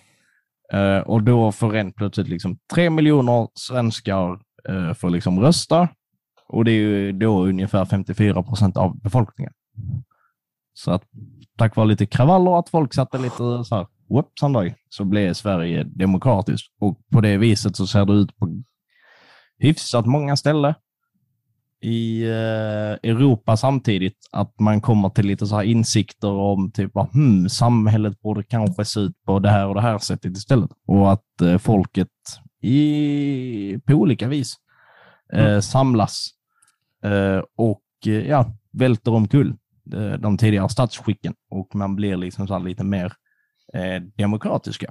Under 1900-talet, bortsett från väldigt eh, mörka, odemokratiska perioder i form av eh, lite folkmord på sina ställen och liknande, så är det faktiskt en väldigt, väldigt blomstrande tid eh, för demokratin. Vi går i världen från att ha 55 till 120 demokratiska stater på 100 år. det är Wow. bra. Det är jävligt bra jobbat. Det är ju det är dubbelt så mycket. Ja, det är faktiskt eh, lite mer... Ja, det är mer än dubbelt så mycket. Så att det, det är väldigt... Det är eh, Pythagoras. Ja, du, du kom inte här och kom och, med dina glåpord. Kommentar Eh. kom med Pythagoras sats. Så att... Eh, är, det, är det nu innan vi börjar avrunda så har vi missat eh, två grejer, eller hur? Ja, säkerligen. Vi, vi har ju missat veckans hjälte. Ja, ja. Den Ska vi- gamla godingen. Ska vi, drar du jingeltråden här? Ja, Så den att, eh, eh, drar jag den här nu. Drar jag den. Den är jävligt lång tråd här faktiskt. Där var den dragen.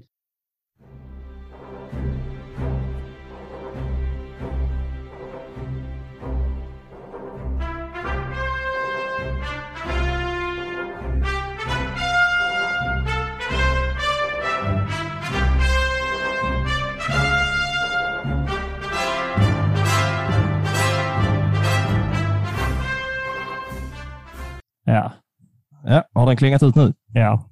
Ja, bra. Um, vill du gissa vem som är veckans hjälte? Är det, alltså, kan jag gissa det? Ja, det kan du. Eh, Är det befinner vi oss fortfarande i Sverige här? Nej. Vi har nästan namngett personen innan. Eller vi har sagt två tredjedelar av samma namn innan. Eh, eh, har det med revolutionen att göra? Nej. Eh, Det är väldigt nutida. eh. Eller inte riktigt nutida, men Nej, jag vet inte. Det är svårt. Martin Luther King.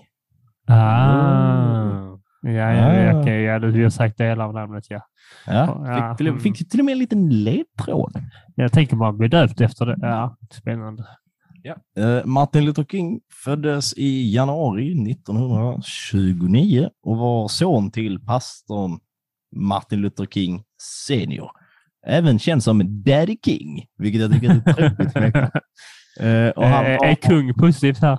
Det är det alltså. Eller de är också självhat? Va? Vi går vidare. Eh, under sin barndom så lekte Martin Luther King med eh, vita barn, men fick ganska snabbt eh, lära sig på lite tråkiga vis att eh, det, där är, det där är fel. Det där är usch. Så du får inte leka med dem. Eh, för att ju äldre eh, som han blev, eh, desto tydligare så såg han liksom så här, den mörka rasismen i USA. För att när han var ute och lekte så med barnen, med de här vita bar- grannbarnen, när han var liten så gick det bra, men sen liksom när han blev äldre så blev han rent plötsligt en, en fara för de här vita barnen, tyckte deras föräldrar att det går inte att leka med sådana som Martin. Det förstår ni väl. Så att, eh, och då blev jag lite så här, vad är det här för någonting? Och sen har han ju så, såklart, som många andra eh, svarta i USA fått uppleva liksom, eh, rasism på olika sätt. Det här med att inte få ja, men dela vad heter det? Alltså toalett eller ha egna eh, toaletter och gå på vissa gator och inte få sitta längst fram så här, vid bardisken alltid på liksom, olika barer och sådana grejer. Så att eh, det har han ju inte eh, missat. Eh, Är det okej för att skita på USA nu? I detta fallet? Vilket Ja, skitland! ja, men faktiskt. Vilket skitland alltså. Ja, det, det får man tänka att han är född 1929. Ja, då sysslar vi med eh, ja, all, allmän rösträtt liksom. Här och alla fick Ja, det hade vi haft i tio år. exakt det jag menar. Visserligen eh, utan tvekan eh, rasism här också och, eh, och färre minoriteter. Ja. Så att, men ändå. Sketland. Eh, Sketlandsponny kallas hästarna där. Nej, förlåt. Det är fan en väldigt tråkig start i mitt liv. Men det är helt okej. Eh, han gick på college i Atlanta och studerade bland annat teologi och sociologi och slutligen så doktorerade han i systematisk teologi. 1957 så bildar Martin Luther King en organisation som heter Southern Christian Leadership Organization där han själv blir ordförande fram till 1966. I den här organisationen så gör han sig känd över hela landet eh, som då en eh, så här civil rights ledare. Eh, och eh, framförallt då för att han har en väldigt eh, fredlig liksom så här, eh, vad ska jag säga, protest. Eller liksom så att han är, han är väldigt saklig och duktig, framförallt väldigt duktig på att tala, så han får med sig eh, folket på ett icke-våldsamt eh, sätt. Och mycket kan man säga om eh, när folk har föränd- försökt sig på förändringar här och var i världen under egentligen alltid. Men förändringar brukar ju inte ske utan våld. Men han förespråkar det liksom så här, eh, det lugna pacifistiska. Eh, I den här organisationen så eh, ledde han bland annat bojkotten av busstrafiken mellan 1955 och 1956 till följd då av eh, Rosa Parks. Eh, eh, jag vet inte vad jag ska kalla protest Agerande. agerande. Eh, där hon då satte sig på eh, fel sida av bussen, eller längst bak i bussen, där hon inte fick lov att sitta. Och sen eh, satt hon kvar där. Så att då sa Martin Luther King att nu vägrar vi åka buss. Eh, tills eh, det här blir liksom så åtgärdat. Och lite den typen av protester och marscher. 1963 så organiserar han en marsch med 200 000 deltagare till Washington. Och det är också vid samma tillfälle som man har det här I have a dream-talet eh, framför Lincoln-monumentet. Vi kan kanske, vi, vi, vi kan klippa in en liten snutt här. Wow. Jag har en dröm. Vaniljsås är eh, gratis till äppelkåge. Och Jag har en dröm. Va? Theo. Skärpning. Eh, 1964 så får han eh, Nobels fredspris. Mm. han är ju väldigt, eh, väldigt aktiv. Uh, startar massa protestmarscher och eh, utbildar folk helt enkelt. Men sen är ju problemet, eh, Eh, som för så många andra, när man vill göra stora förändringar så utsätter man sig också för väldigt stor fara. Eh, så att den 4 april 1968, då skjuts Martin Luther King ihjäl på en demonstration, eller innan, i förberedelserna av en demonstration i Memphis, Tennessee, klockan sex på kvällen. Eh, av ett litet as eh, som heter James Earl Ray. Där finns dock eh, lite så här konspirationer och idéer om att eh, den här James Earl Ray bara liksom så här är utpekad eh, av typ CIA och FBI och att det var de Ja, som det. egentligen sköt. Det är väl lätt att säga. Ja, att han i, någon av dem egentligen skulle ha skjutit Martin Luther King. Eh, Detta leder till väldigt stora upplopp eh, och kravaller i stora delar av USA. Men liksom så här, eh, ja, så som det har varit när han, George Floyd. Ja, lite liknande där. Ja. Det heter han. Uh, vad sa du? du såg tveksam ut när du sa namnet. Det Ja, men jag blev, jag blev osäker. Jag vet att han heter Floyd, men jag blev säker, osäker om det var George Floyd. ja, men det är jag ganska säker på. Eh, ja, men där flera städer liksom så i stort sett eh, sätts i, liksom i brand och det är upplopp och, som varar väldigt länge. Som då liksom så här protest för att ja, men Martin Luther King såg ju ut i alla fall till att kanske kunna faktiskt fixa ett jämställt eh, USA. Eh, och eh, där var ju många av den svarta befolkningen som verkligen så här såg honom som en hjälte och ja, men, bitvis även också som någon form av frälsare. Eh, vilket, det man läser och ser om honom så får man väl eh, så hålla med om. Och att det var en stor tragedi när han blev eh, mördad. Eh, vissa av städerna klarar sig ganska väl på grund av politiskt eh, agerande. Eh, borgmästare John Lindsay lyckas stoppa kravallerna eh, innan de ens börjar i New York. Eh, genom att då han var eh, väldigt liksom så här, jobbade för den eh, svarta liksom befolkningen. Eh, så att han tog sig ut i Harlem och liksom så här höll ett tal och liksom så här lyckades eh, ja, men sätta lite eh, lock på en kokande, eller så här, sätta stopp för vad som eventuellt kan uppstå.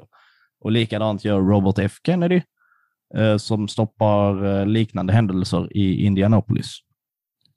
Robert F Kennedy, som också var liksom så här stor supporter av Martin Luther King och de var så här goda vänner. Eh, han blev också skjuten typ två, tre månader eh, efter de här händelserna.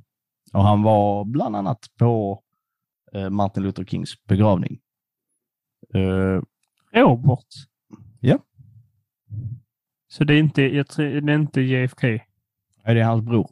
Det är hans bror. Ja, ja. Ja. Som också blev skjuten. Skjuten, ja precis. Jag tänkte bara så här, ja, spännande. Ja.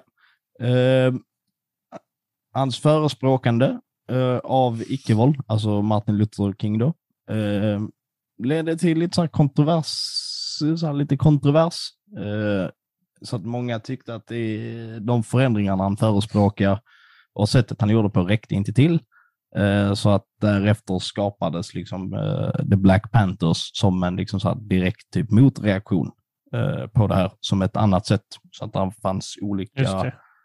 Eh, ja, men en splittring inom liksom så här själva civil rights movement mellan de här två grupperna, de som förespråkar icke-våld och de som förespråkar kanske lite mer våld. Eh, det viktigaste som man bör ta med sig av Martin Luther King är väl liksom den enorma resan och vilka steg han har tagit eller tog eh, för den svarta liksom, befolkningen i, i USA. Jo, det tycker jag att när man pratar om demokrati så får man se honom som att en Ja, värdig kandidat Absolut. av veckans, eh, veckans hjälte. Nog en av de mest värdiga vi har haft på länge. Ja, Egentligen. det tycker jag. Så att, eh, ja, kan, kan man tänka lite extra på.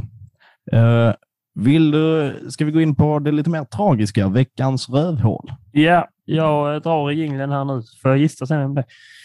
Drar i jingeln. Tjoho!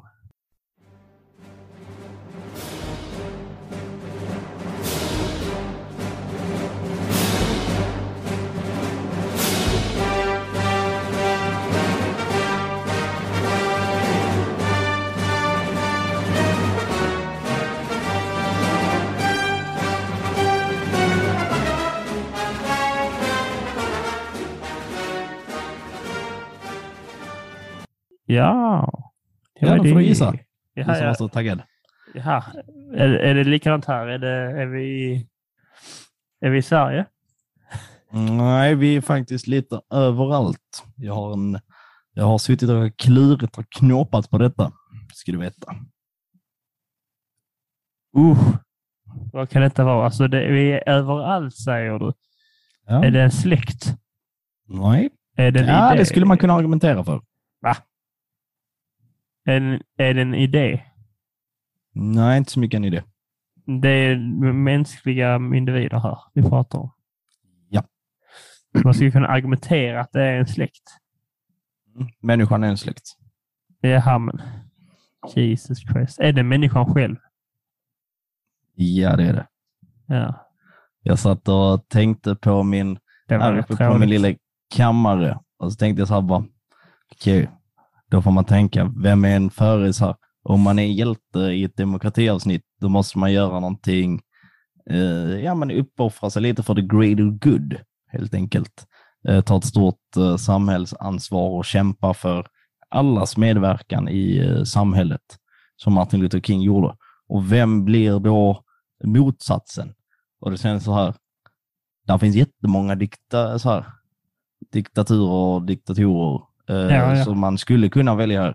Men det känns som att eh, det kändes lite fusk. Det kändes lite för uppenbart och platt och typ bara Hitler. Han bara, Ja, så, du tänker just att eh, just det här faktum är att eh, när demokratin fick sin liksom uppsprång på 1900-talet och så den här liksom motkraften som föddes på grund av att vi människor är så vi är, att det förmodligen alltid blir en motkraft till något nytt. Eh, som till exempel första, alltså andra världskriget till exempel, man försöker ändå slå ner eh, demokratierna, vilket man i princip, även om inte det är aktivt i målet, så är det ändå det som sker. ja. Så det är liksom eh, mänskliga i oss att eh, vara rädd för nya saker. Jag tänkte eh, inte så mycket på det. Jag tänkte mer att eh, just i så som vi lever och ser ut idag och det ena och det andra, eh, att då får man tänka det, vad, vad är, här, vad, om jag ställer frågan till dig som ändå är samhällslärare, Det är vad är, så här, vad är nyc- är det väl visst det? Inte än. Inte på långa vägar. Jag ska läsa hur många kurser till som helst. Eh, ja, okej då, men då får du ha magkänslan bara. Eh, vad, är liksom så här, vad är grundprinciperna för att man ska kunna ha en, en demokrati? Ett, ett så som ett demokratiskt samhälle ser ut i eh, den bästa av utopier. Eh, att folkviljan eh, går igenom. Det är grundprincipen. Vad du är tråkig. Det är det ju. Vad vad fan? Då, Det du var väl ett jätterimligt svar, eller? Ja, det är ett jätterimligt svar. Men det var inte kul. Nej. Du är inget lexikon. Nu, jag Eller, du du vill är ingen ordbok. Vad- Du tänker, det, det krävs ju någon form av så här öppenhet. Ja. Det krävs att folk är rättvisa. Med, det krävs medlidande, empati, rättvisa. Ja. Mm. Och någon form av eh, öppenhet och tydlighet. Och det kan jag säga, i dagens eh, lilla samhälle och även i gårdagens samhälle, att det är någonting som, ja men det känns som att det, det saknas lite. Och Men även om 1900-talet Dock- innebar dock- väldigt dock, många eh, demokrater. nu- nej, nu är det så här, det- rent krasst då vi ska vara så här, så är det för det finaste formen av demokrati då, att alla får vara med och bestämma lika mycket. Då krävs det att folkviljan ska gå igenom. Att det är folket som bestämmer, folkviljan går igenom då. Och alla får rösta hit och dit. Eh, och då krävs öppenhet för att det ska bli så trevligt som möjligt och det ska krävas empati och, förståelse förstående för varandra. Men skulle då folk, majoriteten, så folkviljan då, som det ändå handlar om, eh, vilja göra någonting som kanske inte är 100% rätt, eh, empatiskt eller eh, moraliskt, så är det fortfarande demokrati. Det, det sker ju fortfarande det som krävs. Säg att folkviljan skulle bli, vilja bli av med en, även om det är, troligtvis inte är så, men om en folkviljan, majoriteten av folket skulle vilja bli av med, en min- med en minoritetsgrupp, om man röstar för det, om man gör utifrån vad folkviljan säger, så är det fortfarande regelrätt en demokrati. Är det verkligen regelrätten demokrati? Ja, folkets vilja går igenom. Inte all folk, men all folks, all folks vilja kommer inte kunna... Demokrati bygger ju på allas lika värde. Och vill du rensa bort en folkgrupp så är ju det... Nej, nej, men du förstår, det finns en dilemma här. Ja, så ska det inte vara heller. Det är klart att allas lika värde är det vi ska sträva efter. Och så är, är det, så bör värld alla se det. Men det blir fortfarande... Det blir ju folkets vilja då. Och då kommer man säga emot det eftersom att det då inte är demo, ett, alltså, demokratisk tanke. Det är demokratiskt utfört, men det är ingen demokratisk tanke. Så kommer man behöva sätta stopp för det och då behöver någon makthavare sätta stopp för det. Och då bestämmer mak äh, makthavaren över folket och då är det ingen demokrati. Det var fel svar. Tänkte jag bara att vi skulle slå ett, slå ett slag för att vi alla måste värna om demokratin. ja, men det varandra. måste vi. För att annars händer kanske... Och så sitter du och förespråkar folkmord. Nej, det gjorde jag inte alls det. Vad fan. Alltid hamnar vi här att EU ska ha ihjäl en etnisk minoritet. Här säger jag saker och ting och det, du ska alltid ta det till det hemskaste. Jag menar bara att det finns några gråzoner här som är intressanta. Men demokratin vi strävar efter och har handlar om, som du precis säger, eh, allas lika värde och då behövs empati och förståelse och öppenhet. Ja, så att alla är fullt Alla ska få finnas och få säga på. sitt. Och alla får säga sitt. Och alla Mm. ska... Alla blir förtjänta av att bli eh, så här, hörda. Men det måste ju säga, det är ju därför i Sverige till exempel har vi en politisk elit. Alltså att vi, har, vi får lov att rösta på och bestämma vilka vi vill ska bestämma. Mm. Efter det så bestämmer inte vi folket så mycket alls. Nej. Och det, är- och det är lite, där öppenheten kommer in. exakt, jag- och lite det här systemet gör ju så att man inte bara kan säga, så inte bara majoriteter kan, majoriteten i ett land kan säga Hallå, min granne är jävligt trådig. Ut med honom. Ja. Och där, därför kan det vara bra att ha till exempel en politisk elit som vi har. Eh, Ja, fast ja, det kan man ju tycka är bra om man vill det. Det kan vara bra, kan också vara dåligt. Känns vad dåligt. Jag, jag tycker mer från, från deras håll, det som jag, innan vi börjar avsluta, för det känns som att vi har blivit väldigt långa idag, Ja. Ehm, som jag vill se eh, till nästa val. Det känns som att det är lite för sent inför detta valet. Eh, men att eh, representanterna från de olika partierna bara är lite mer så här, straight up honesty. Det är så här, Ja. berätta, berätta vad ni vill göra. Det, det, att de inte Eh, och, fattat det eh, tycker jag är konstigt. Liksom så här, jag vill veta, okej, vad ser ni som problem? Hur ska ni fixa problemen? Det är liksom så här, ganska basic. Det är det som det borde ha. Och sen så får vi, som grekerna med sin direktdemokrati, sen får vi fatta beslut om vem vi vill eh, vem vi vill chansa på. Och sen när vi har lagt det, liksom så här, när vi är klara och resultaten har kommit, ja men då vill man ju också såklart att de eh, liksom håller vad som har sagts. Och eh, likadant eh, att folk inte håller på och fifflar en massa. Det är det jag tycker är de, de som är så här, demokratins rövhattar.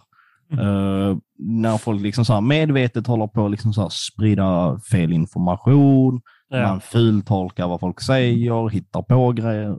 Usch, säger jag. Det är de som är veckans rövhål. Alla Jag, som jag, jag lite på försvårar för oss det, andra. att varför politikerna idag inte bara, alltså att ingen har löst kåren. För jag tror man kan vinna rätt mycket på, igen- till exempel att säga, många politiker och partier har ändå på något sätt ändrat bana eftersom att tiden förändras och så. Utom SD som sa det själva i sin vitbok. Just det. det är så jävla roligt. Och så, men så säger de bara så ja men eh, så här eh, tänkte vi för eh, det tycker vi inte är så bra nu. Alltså bara säg, bara, bara ärlig liksom. Bara prata lika så bara, så här tycker vi nu, så här vill vi ha det nu. Istället så ska man, som du säger, bara kröda omkring och säga liksom, hallå de här här borta gör det på ett sätt som vi tycker är lite knasigt. Så ska vi inte ha det. Och så säger de inte hur vi ska ha det. Och istället för bara säga, vet du vad, så här vill vi göra. Alltså ärlighet. Jag tror folk, skulle man gjort någonting dåligt och folk säger, vi trodde detta skulle vara det bästa, vi försökte detta, det blev inte som vi ville, nu försöker vi något nytt. Om ett parti skulle säga så, jag tror, jag tror inte man bara säger, åh nej, vilka sopor. Jag tror folk hade uh, ansett det uppfriskande. Där har vi vårt tips till alla politiker framöver. Och vad som Sluta snacka skit! Nu, har, nu har ni fått lära er Ah, allt om demokratins eh, långa historia, från början till nästan nutid. Och eh, glöm inte att vara goda demokratiska medborgare. eh, och goda demokratiska medborgare går in och följer oss på Instagram. Eh, man följer oss eh, på Spotify och likartade appar. Man kan gå in och rösta på oss. Och då får man ge vilken röst man vill, men helst högt. Tack. Det vore väldigt snällt. Har du någonting att fylla i Theo innan vi avslutar där? Nej, inte ett dugg. Nu är det dags att gå och lägga sig och eh, drömma om... Jo, en sak. Eh, eh, man måste rösta i valet. Man får inte inte rösta. Mm, man får faktiskt inte inte rösta om du Okej. inte har läst på. Då får du inte rösta. Då får man rösta Ja. blankt.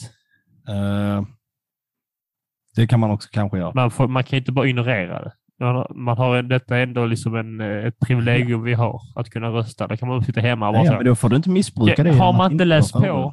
så läser man på helt enkelt. Ja. Ta en, ta en vecka, läs eh, på partiprogrammet, eh, så läs ett parti en dag, ett nästa. Så på söndag får du läsa två partier. Det är inte så svårt. Men wow, fram tills dess, tack för att ni lyssnat. Kul att vara lyssnande. Kom ihåg att all historia är värd att snackas om och tramsas om och det är viktigt att man håller koll på sina demokratiska rättigheter och skyldigheter. Och nu ska Theodor spela en riktig jävla banger för er. Hej då. Jävlar vad trött jag är. Har ni hört att man talar om politikerförakt? Jo då det har vi hört. Det är tarvligt sagt. Har ni hört att politiker är ljusets riddarvakt? Också det har vi hört. Det är för mycket sagt. Sanningen är bara den att den du valt ändrats kapitalt. Ja, så det menar du. Ja, han har blivit någon sorts proffs. Vi förstår vad du menar. Denna formgjutna nya modell Denna slipsprydda typ av procenttabell Denne åsiktsjonglör, är för professionell Ge mig hellre en glad amatör. Detta tvärsäkra pratfenomen Denna mjukhårda blandning av ull och sten Denne ordfabrikör, ger jag ingenting för Ge mig hellre en glad amatör. Vad han vill och vad han tror på innerst inne i sin själ. Vet man ej, han vill bli stor på att förbindligt verka vilja väl. Den är sluge expert på taktik som så flott solovårar en bred publik så den smälter som smör. Den är epa-charmör, ge mig hellre en glad amatör. Ge mig hellre en glad amatör En som inga strategiska utspel gör Som kan vara spontan, säga det var som fan Och kan tveka som människor gör. En som tystnar när käften blir glapp Som personligen styr sin voteringsknapp Inte får sina tal från partiets central Och är klok även före ett val en som helst någon gång i livet haft ett jobb, ett vanligt kneg.